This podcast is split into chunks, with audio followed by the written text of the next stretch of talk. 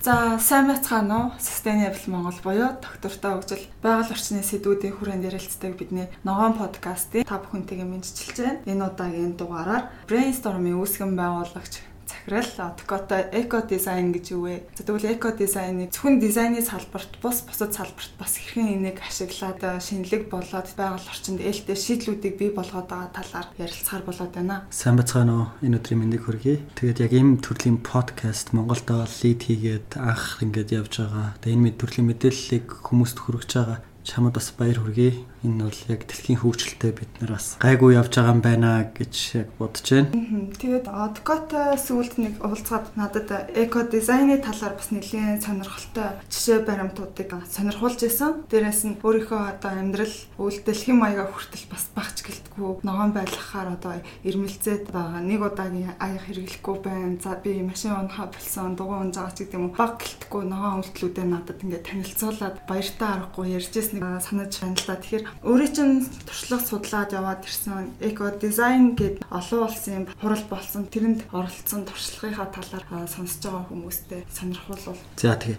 Яа, ер нь дизайны салбар яагаад экотой холбогдсон юм бэ? Нь яагаад дизайны салбар энд чухал байгаа юм бэ гэдэг талаар бас энд дуртаад явах хэрэгтэй байх. За юуны өмнө яагаад би энэ eco conscious буюу экологт нэг анхаарал тавьдаг болсон бэ? Өмнө нь бол надад нэг чухал байгаагүй. Энэ бодол ерөөсөө тэгэд хүн амтнууд хажууд тиймэрхүү юм яриа л явж идэг гэсэн. Тэгээд э, ерөөсөө нүдэнд анзаарагддаггүй байсан юм байна. Тэ би яг энэ world industrial design, eco industrial design гэдэг энэ ивентэд хятад улсад оролцоод ирснийхаа дараа миний харах өнцөг бол нэлээд өөрчлөгдсөн. Э, яг одоо энэ байгаль орчин, экологи тал дээр ямар хуу нөлөө, үр нөлөө бид нар гаргаж чадахын бас бид нар яг одоо эсэргээрээ үйлдэж байгаа юм бэ гэдэг талаар яг хувь хүнийхээ талаас ч гэсэн бизнесийнхээ хувьд ч гэсэн энэ талаар нэлээд ойлголттой болсон. Тийшээ явах болсон шалтгаан гэх юм бол байка ах гэдэг дээ шүү дээ.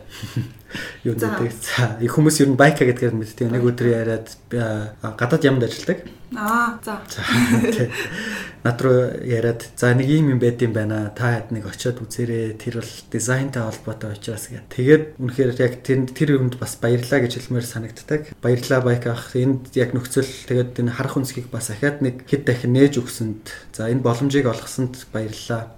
Тэгээд анх би хоёр удаа энэ VWAC-д оролцсон л доо. Бодлон нэг явцад ирсэн тийм. Тэгээ сая бас яваад ирсэн. Тэгээ тэнд маш олон төрлийн дэлхийн шилдэг дизайнерууд, мундгууд бүгдээрээ ерөн цуглаад Европын дизайны холбоо, Италийн дизайны холбоо, тэгээ Хятадын дизайн ер нь дэлхийн өнцөг орнуудын энэ дизайны холбооны ерөнхийлөгчүүд тэнд үйл ажиллагаа явж байгаа компаниуд, тэгээ ялангуяа бүр эко дизайнтай холбоотой компаниуд тэнд ирж өөрснийхөө хийж байгаа үйлдэлүүдийг хүмүүст үзүүл үзүүлэх. За тэгээд гаргаж байгаа үр дүнгээ танилцуулах зорилгоор бас шагнал гардуулах зорилгоор явдаг. Тэгээд анх удаа очиод яг тэндээс эхлээ шокнд ороод эхэлсэн л дээ хүмүүс яг хаашаа хараад байна. Тэгээ би бас хятадуудыг үнэхээр тэнд тэргүүлж ийн гэж харж байгаа. Өмнө бид нэр хятадуудыг хамгийн сүүлд копиддаг эсвэл одоо хамгийн муу муухай хямд бүтээгдэхүүнтэй за тэгэл улсан ч гэсэн тэгээд монголчуудын хувьд нэг юм сөрөг ойлголтууд байдаг.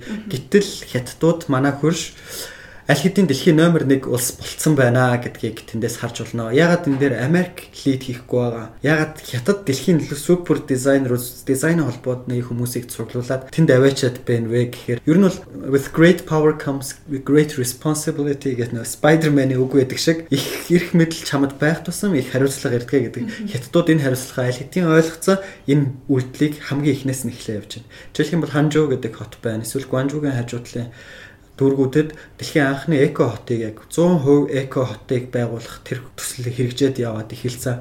За 25 он гэхэд ер нь маш эрчтэй тэр нь одоо дуусах тэр нь одоо бүх юм renewable байна. Тэгээд ашиглаж байгаа юмнууд нь ч гэсэн байна гэд. Тэгээд хятадууд бас энэ дээр маш их анхаарал өгж байгааг нь сайд дарга за тэнд оролцож байгаа. За яамны сайд нь ирж тэгээд намын дарга нь ирж тэнд үг хэлж байгаас анзаарэгдсэн. Ер нь хятадуудад Тэгээ намын дарга гэдэг бол одоо хамгийн л том юу байгаа шүү дээ. Даргууд ирсэн. За Грекийн ерөнхий сайд, Австралийн ерөнхий сайд гих мэтлэн хүмүүс тэнд ирж үзэл бодлоо хуваалцаж за ер нь чиглэл яах ийх ёстойгоо хоорондоо хилэлцсэн байгаа. Тэгээ дэлхийн улсууд энэ чиглэл дээр асар их архиц дэвшил гаргаад явж байгаа. Тэрэн дээр бид нар бас нэг тодорхой хувь хэмжээ үүргээ оролцуулах хэрэгтэй байна гэдэг бодол тэндээс эхэлж төрж эхэлсэн л дээ. Хугацааны хувьд одоо хэд хоног үргэлжилсэн бэ? Тэгээд ямар ямар хэсгүүдээс бүрчжсэн бэ? Одоо бодвол ингээд панел хэлэлцүүлэг хийгээд хийсэн үр дүнгээ бас танилцуулах үе шатууд байсан баг тий. За гурван шаттайгаар явагдаж байгаа. Эхлээд бол дизайны холбоодууд хооронд нь танилцуулаад за бид нэр ийм үйл ажиллагаа хийдэг, ингэдэг тэгдэг гэсэн дугуй ширээний тойрог уулзалт хийдэг. За тэгээ тойрог уулзалтуудад дараа яг олон нийтэд танилцуулах тухайн улс хятад бас мөн одоо яг тэнд оролцож байгаа улсууд өөр өөрснийхээ тухайн жилдээ хийсэн эко дизайны хувьд амжилт гаргасан тэр юмнуудаа үзүүлээд за тэгээд бид нар хамгийн тэр одоо тэндээс харж байхад айгүй шилдэг шилдэг бүр ингээд бүтээн байгуулалтууд маш сонирхолтой сонирхолтой юмуд харагдсан л да. Тэгээ тэндээс би айгүй олон хүмүүстэй танилцаад за энэ Монголд хэрэгжүүлэх боломжтой юмнуудыг бас ярилцсан. Ялангуяа утааны асуудлыг би хөндөж ярьсан. Яг тэгэхээр дэлхийд даяар бүгдээрээ мэдж байгаа. Тэгээ утааны асуудал яг утаан дундаас нь ирсэн. Би дугуй ширэн дээр сууж байхдаа надаас одоо хүртэл миний ингээд пижакнаас утаа өндөртөж байна. Та энэ дугуй ширэний уулзнаас ягаад миний пижакнаас өнөртөөд үзээрэй. Яа утаа яаж өнөртдгийг. Гэхдээ намайг баг байхад миний асуудал биш гэж би боддог байсан юм аа. Ягаад вэ гэвэл би гэр хороолт амьдэрдэггүй байсан. Байранд амьдэрдэг байсан. Тийм учраас тухайн үед утаа байдгүй байранд амьдэрдэг. А өнөөдөр би баян ч байсан, ядуу ч байсан хамаагүй ялгаагүй гэр хороолт байдаг шиг хортож байгаа. Гэр орлын хүмүүс илүү их хортож л байгаа л да. Гэхдээ энэ ялгааг гарч ирсэн. Тийм учраас дэлхийд даяар энэ зөвхөн Монголын асуудлаа гэж бити хаяарай. Энэ бидний бүгднгийнх нь асуудал шүү. Яг энэ би багтаа бодож ирсэн, буруу бодож ирсэн аа. Саяхныг хүртэл тэгж бодож ирсэн аа ингээд ажлынхантайгаа яасан. Одоо гэр орооллыг хүн хотын хүн хоёр ялгаагүй л өнөртдөг болцсон. Бага ахгүй хувцснаас нь тэгэхээр адилхан л одоо тийм юу байна. За тэгээд тэрэн дээр утааны асуудал дээр тэд нэр маш олон санаанууд брейнстормууд бас хийгдээд явсан Монголд зориулаад фильтр байх уу, дулаалга байх уу, яах вэ гэхүүгээр айгүй олон талын эрдэмтэд за дизайнерууд тэгээд миний мэддгүү мэддгүү бас дизайнтай холбоотой мэрэгжил гарсан байна. Ялангуяа экологийн дизайнерууд гэж тусдаа тийм төрөл байна. Гэхдээ тэр нь би одоо нэрийг мартчихж тэгээд urban eco хотын за тэгээ эко байлгах тэгээд дизайнтай холбоотой ингээ гурвыг нийлүүлсэн тийм бас нэг мэрэгжил байд юм байна. Уран дизайн. Биш. Биш. Бүр яг экологтой, бүр яг экологтой ингээ холбогдсон тийм нэг мэрэгжил байд юм байлаа. Гэх мэтлэн ингээ айгүй олон төрлийн тийм шинэ бас мэрэгжлүүд гарч ирсэн байна. Шинэ бизнесүүд бий болсон байна.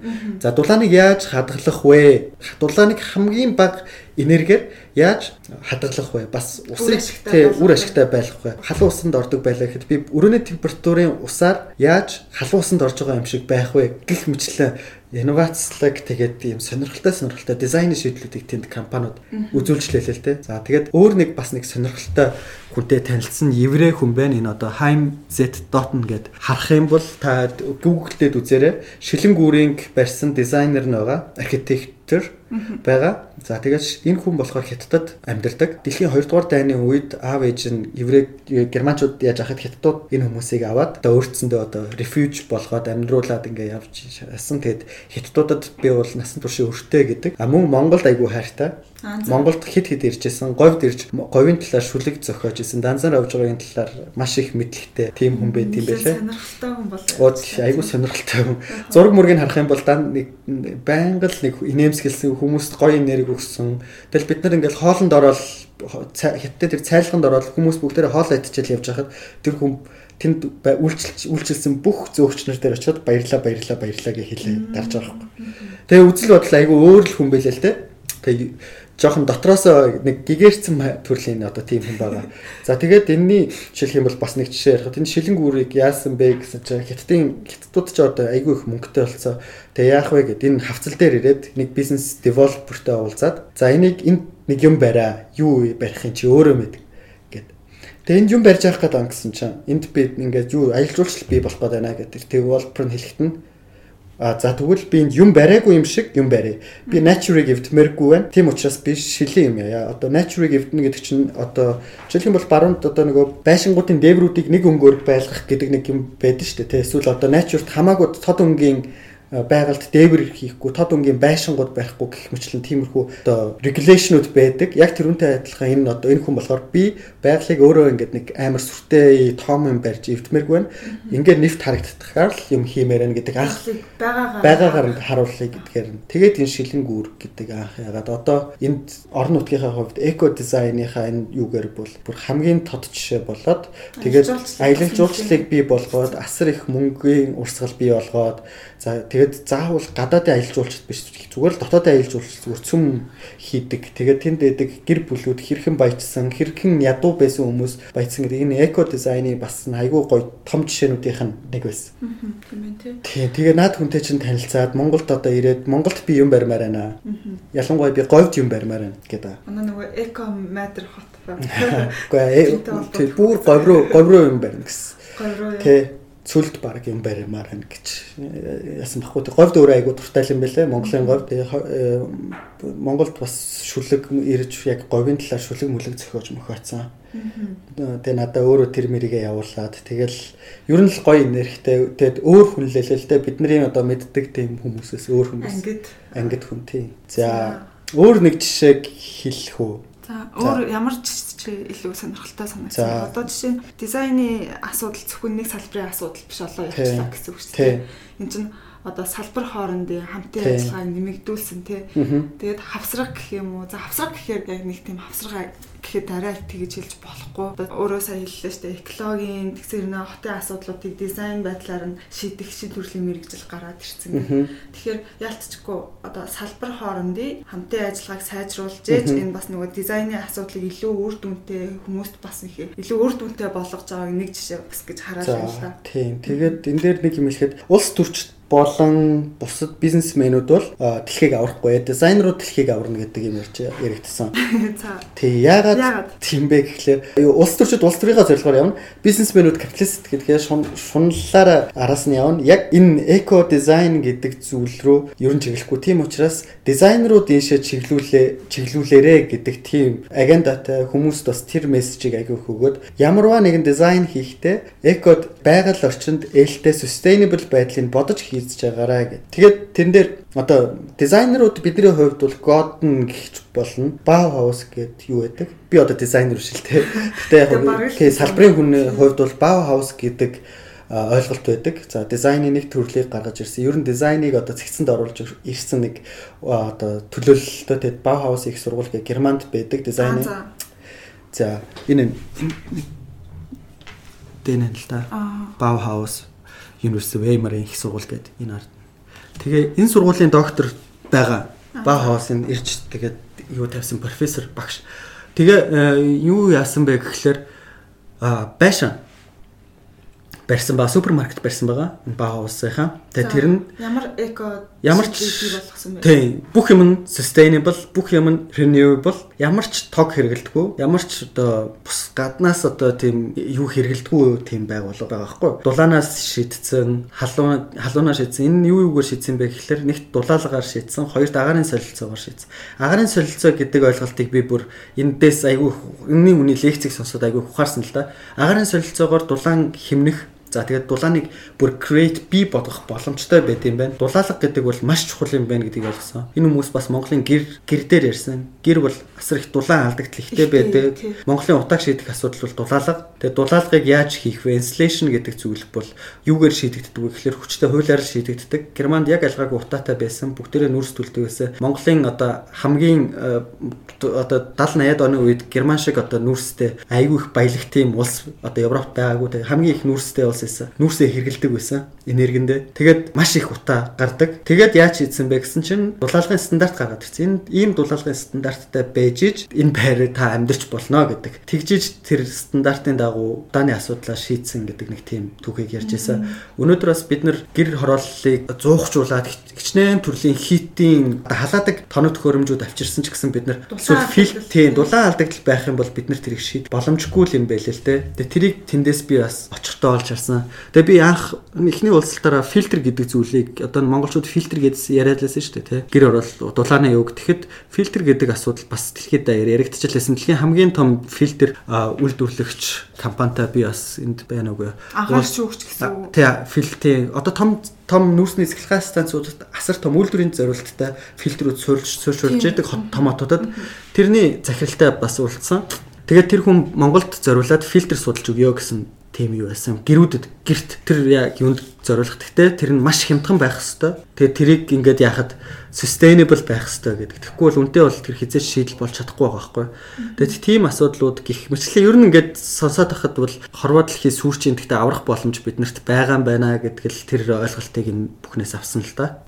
Одоо энд э, бас нэг юу байна. Усанд орохдоо энэ усны эргэлт одоо энэ дамжиж байгаа хоолоо хоолооноос шалтгаалаад усыг халаадаг. Одоо хоолоогоор дамжуулж ус халаадаг тийм технологи. Шүршүрт орохдоо яг хүүтлэн сахилгаан ашиглахгүй тэгээд усыг химэндэг тийм технологи байна л да.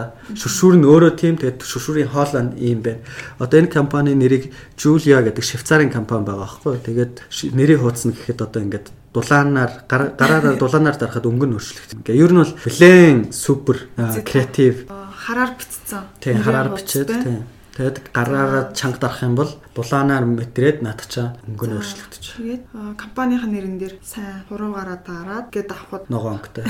Тэг эк болчих жоохгүй тэгээ мессеж айгу гоё илэрхийлсэн. Гих мэтлээ ингээд энэ олон компаниудтай олон хүмүүстэй уулзаад яаж яхад бол за энэ хоёр улсын завчаад өөрөөсөө нэг тодорхой хэмжээний effort гаргаж ядаж компани тэгээ бүр компани болоо гэхэд хувь хүн дээрээ энэ өөрчлөлтүүдийг авч явъя гэд. Одоо байнга усны сав авч явдаг болсон. Энэ тэн усаа фил дүүргээл тэгэл аваа явдаг. Зулаа энэ хараа би усны савтаа болсон. Тэгээд э, өөр ч ер нь тэгээд их алхдаг болсон. Эрүүл мэнд сайн байна. За тэгээд ер нь гэхдээ хот алхахад жоохон онцгүй баталтай байна. Одоо уг алхмаар их алхмаар байдаг. Алхачл байгаа л да. Гэхдээ одоо тэгэл гутал хувцас шороо болоод тэгэл машинд дайруулчих гал явган үний замгүй тэгэл машин зам дээгүүр хаяа алхаал. Ер нь их жоохон тим алхахад онцгүй л те. Тэгээ одоо бүр алхахад хамгийн муухай улирал нь байна. Өвөл бол яг алхахад зузаалаад алхацдаг. Бус төлрлүүд нь одоо бол алхахад айгүй хэцүү улирал байна. Тэгэхээр brainstorm-ийн хувьд бас брендинг хөгжүүлэгч компани гэдэг талаас нь бас хүмүүс нэлээд сайн мэддэг. Бас салбартаа тэргүүлж байгаа компани. Танаа одоо байгууллагын хувьд одоо яг энэ эко дизайн гэсэн шийдлийг хэрэглэгчтэй, захиалагчтай бас нөгөө яаж одоо юу гэдэг чинь энэ талаас ингээ хамтарч ажиллах боломжтой байгаа гэдэг юм бэ. Одоо хэрэгжүүлжсэн эко дизайны шийдлүүдээсээ бас бид нэр танилцуулбал. За за ер нь бид нар нэлээд олон компаниудтай ажиллаад тэгээд нэгт хэвлэлийн цааснууд дээр нь бид нар зөвлөгөө өгдөг, будган дээр нь зөвлөгөө өгдөг. За нөгөөтэйгүр бид нар бас энэ дизайныхаа агуулга дээр нь биомимикри гэдэг зүйлийг оруулдаг. Тэр нь болохоор биомимикри гэж юу вэ? Аа дизайнд байгалыг шингээх гэдэг тэр утгыг хэлдэг. Тэгэд одоо Стив Джобс ч хэлсэн байт энэ дэлхий дээр хамгийн одоо супер шинжлэх ухаан бол биомимикри гэдэг юм аа гэдэг. Жишээлх юм бол ер нь бүхэл юмд биомимикри орсон байдаг. Жишээлх юм бол нөгөө Шинкансен онгоц Шинкансеныг нөгөө түргэн хурдан галт тэрэг Японы хурдан галт bullet train-ыг шуугны хошуугаар одоо анх санаачлаад гаргасан байдаг. Зүгэний үр бол хамгийн зөв одоо хэлбэр байдаг ч юм уу те. Гэх мэтлэн цэцэгний бүтэц за онгоц одоо ингээл бүх юмд энэ biomimicry гэдэг зүйлийг оруулснаар байгальд асар олон жил туршигдсан байгаа ямыг хүн дизайндаа оруулж ирэхийг одоо biomimicry. Тэгэхээр үр дүнтэй байх байхгүй юу? Байгальд асар олон жил. Тэгэхээр бидний хийж байгаа дизайнууд дээр яг энэ biomimicry гэдэг зүйлийг агуулдаг. За бас өдөр тутмын үйл ажиллагаан дээр бид нэг шин зүйлийг би оруулж оруулсан нь болохоор бид нар брэнд бүкийг хэвлж өгдөг байсан байхгүй одоо нэг 2 300 3 400 хуудас амар хэрэггүй болон цаас хэвлж өгдөг. Яг ширээн дээр захирлуудын өрөөнд ингээ үздэг юм байж байдаг. Гэхдээ бид нар тэрийг огт байсан. Тийм асар их хэмжээний цаас хэвлээд үргүү зардал болгох юм байна. Тэрийг хүмүүс ашигладаг юм байна. Файл нь л ахт болон байна гэдэг. Тэгээ бид нар ер нь бүх юмудаа файлаар явуулдаг. Файлаар хийдэг болсон. Бүр нэг хэмжлэгээ хүртэл бид нар файлаар явуулдаг болсон. Гэх мэтлэн ингээд цаас болон за тэгэл будаг шунх. Будаг бол бас бидний юунд бол айгүй их эко байгаль орчинд сөрөг нөлөөтэй. Тэгэд будгийг бас ямар өнгө байвал зүгээр үү? Ямар өнгө нь баг бах уу гэдэг тал дээр хүртэл тэгээ бодоо явдаг. Зардлын хувьд ч гэсэн ингэ явдаг. Тэгээ би сая сая хоёр дахь удаагийн эко дизайн конференцд очихдоо энэ юг нэрийн хуцаа энэ экот чиний цаасан дээр хийвлээд аваад очсон. Яг тэндээс бол миний нэрийн хуц баг хамгийн содно нь байсан. Бас хүмүүс бол энгийн цаасан дээр хийвлсэн байхад би яг био Монголд боловсруулсан юм дахин боловсруулсан цаасан дээр нэрийн хуц зааваа. Тэгээд тэрийг би яг явахынхаа өмнөх шөнө хэд нэг ажлынхаа бас нэг хэдэн хүмүүстэй гар гараараа цавуугаар нааж магаад бүр амар handmade тэгээд одоо удуу мотуу хайчилсан зүсцэн гэдэг. Тэгээд минийх бол нэлээд сонирхолтой тэдний хувьд вау Монголд бас нэг ийм ийм юмд awareness үүсцэн conscious болж байгаа юм биш үү гэдэг тэр нэг ойлголтыг бас хүмүүс төрүүлсэн л дээ хүмүүс бүгдээр яриад нэрийн утсаж өгч нэрийн утсаа өгч гэдэг ярьж миний нэрийн утас нэлээд сэдв болсон. Гой сонсогдчихжээ. За. Тэгэхээр можиг эднэр дээр ажиллаж байсан шүү дээ ярихгүй мó түмэн шууд. Тийм. За. Яг та тэгэл манай компани өдөр тутмын хийдэг ажлууд л та тэгэл бид нар маш олон тийм ер нь дизайнууд брендинг за компани нэг товчхон хэлчих юм бол branding agency за brainstorm branding agency гэдэг юу хийд юм бэ гэхээр бид нар брэнд бий болгодог агуулга бүтээдэг. За тэгээд эцэст нь тэрийг буулгах хүний нүдэнд харагдахаар дизайн болгож буулгадаг. Гол юм нь бол бид нар агуулга бүтээдэг. За яаж агуулгыг хүмүүс зарах вэ гэдгийг бас сэтгэдэг. Тэгээд дизайныг яаж гоё харагдах вэ гэдэг дээр л ажилладаг тийм компани байна. Гэхдээ ер нь агуулга сайн байхад муу дизайн ч гэсэн цаашаа явах боломжтой байдаг. За одоо жишээлбэл инвеститор бид нэр чанамын үндгийг яаж яхад яаж эко харагдуулах вэ? Эко гэж юу нь яг юу хэлт юм бэ? Органик гэж яг юу хэлт юм бэ? За нөгөө юу free cage гэдэг юу байд юм бэ гэх мэт л одоо маш олон зүйлийг судалжлаа юм л да. Өндөгний хувьд, дахианы махны хувьд ч юм уу те. Тэгээ тэрний ялгаа нь ямар байдгийг тамирчин дахиа махаа гэл. Тэгэл айгүй олон ойлголтуудыг одоо тэр инновацийн өндөгний брендингийг хийсэн, чанман өндөг брендингийг хийсэн. Яаж эко харагдуулах тал дээр бид нар бол бас нэлээд ажил ажиллаад явсан байгаа.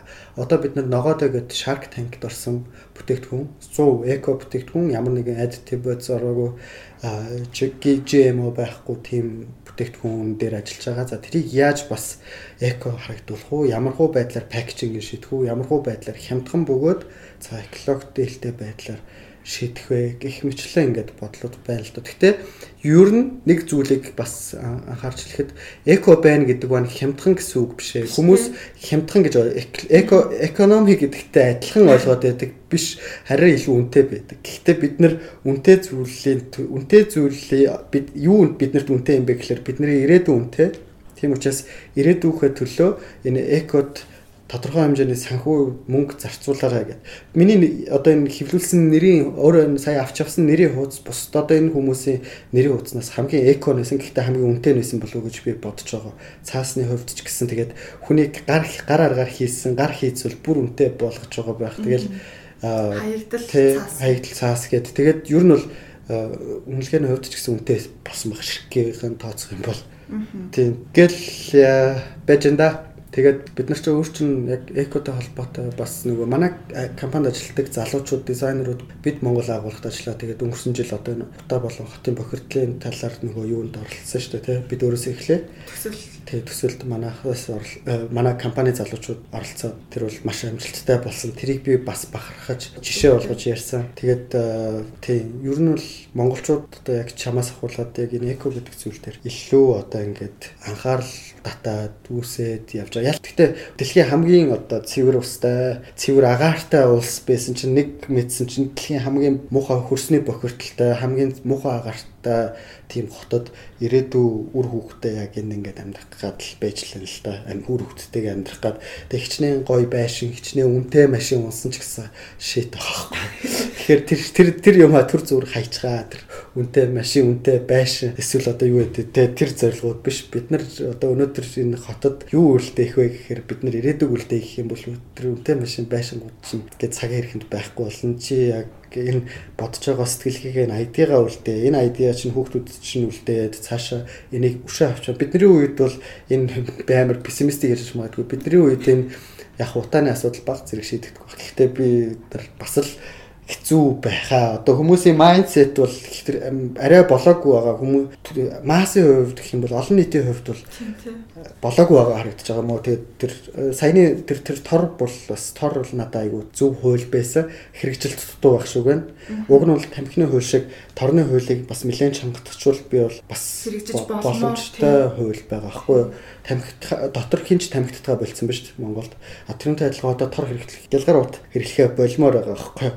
Тэгээ бид нар бас ер нь компанийн хувьд өөрсний бүтээгдэхүүнийг гаргахыг сонирхоод торч юм уу эсвэл яг энэ экотой холбоотой бүтээгдэхүүн хөгжүүлэлт одоо судлаа явж байгаа экологтой одоо энэ энийг сайжруулах тай холбоотой. Жишээлбэл миний энэ усны фласк савыг яаж одоо Монголд илүү тренд болгох уу? Энэ одоо ер нь бол disruptive сэтгэх гэдэг зүйл баруунд нэлээ өрчвчтэй яваад байна л да. Би нэг 4 жилийн өмнө бас байгаль орчны талаар, утааны талаар санаа зовоол нэг хүнтэй ярьж ирсэн. Тэгсэн чинь тухайн хүн болохоор уучлаарай зулаа. Байгаль орчин бол зүгээр тансаг хэрэглээ. Энийг ойлгох хүмүүс одоохондоо байхгүй. Яг гоо чамшиг хүмүүс ингээл яриад ингээл явж идэг нь бол угаасаа байх л асуудал. Тэгээд бүх хүн тийм болно юу ямарч боломжгүй гэж хэлжсэн. Гэтэ яг гоо тэр үеийг бодвол бас одоо хүн болгон бас ойлгодог болцсон. Тэгээд салбар болгоно энд ач холбогдол өгдөг болцсон. Байгаль Монгол орчны асуудал хариуцсан мэрэгжилтэн ч юм уу тий шинэ ажлын байрнууд ихэвчлэн тавьж эхлээд байна л та. Тэгээд дизайны салбар за нэг ялангуяа бас дизайнаа ингээд түүчэлээд явж байгаа энэ байгууллагын удирдах түвшний хүмүүс ач холбогдол өгөөд ингээд ярьж байгаа нь бас надад амар тийм бахархууштай санагтаад ялцчгүй на та ерөөсөө хоёулаа манай подкастаар ярья. Надад биш илүү олон хүмүүст бас энэ одоо сурсан, мэдсэн тэгээд хэрэгжүүлж байгаа зүйлүүдээ ингээд хуваалцаад яваач гэж подкаст хэлээ. Тэгээ энэ удаагийн дугаараар ер нь бол зочин бол болохоор урьж оролцуулж байгаа. Тийм төвхтэй дугаар байна. А нэг бас зүйлийг нэмэхэд болохоор design ecology гэж нэг юм байдیں۔ Бас eco design гэж хоёр юм байгаа байхгүй юу? Ялгаатай ойлголт. Ялгаатай ойлголт тий. Хоёр ялгаатай. Урд хойноо орцсон чи ялгаатай болоод би бас мэдтгүү л явсан юм байна л да. Би анх удаа сонсч байна. Design ecology гэдэг бол дизайныг э, одоо үе шатлал гэсэн үг л дээ. Яаж авах хэрэгтэй юм бэ гэдэг. Эсвэл дизайнер хүмүүс яг ямар ямар одоо зураг авдаг хүн эсвэл одоо illustration зурдаг эсвэл одоо тэрийг сүулт нь ингээд эдитэлтэй эсвэл өрдөг мэтлэн хүмүүс энэ хүмүүс хоорондоо хэрхэн зохицож ажиллаж байна вэ? Энэ зохицолгооны дунд хамгийн шилдэг үр дүнтэй дизайн, үр дүнтэй маркетинг, үр дүнтэй үр дүн яаж гаргаж байна вэ гэдгийг design ecology гэж нэрлэдэг байгаа байхгүй юу? А урд нь орчхоор eco design гингууд байгаль орчинд ээлтэй бүтээгдэхүүн үйлдвэрлэх, дизайн хийх sustainable юмыг сэтгэхийг хилээд байгаа да. Тэгэхээр ингээд урд хойно орох юм бол хоёр мэрэгжлийн өөр хэллэг болчихдаг юм байлаа. Бас сонирхолтой юм байна. За тэгэхээр энэ удаагийн дугаараар Brainstorm branding хөгжүүлэгч компани захирал Odcoto Eco Design гэж юу юм бэ? Энийг бусад салбарын тэгвэл хэрхэн шийдэл болгоод байгаль орчинд илүү ээлтэй байдлаар ашиглаад байгаа юм бэ гэсэн талаар ярилцлаа. Тэгээд дараагийн дугаар хүртэл түр баяртай. Баярлаа. За баяртай. Баяртай.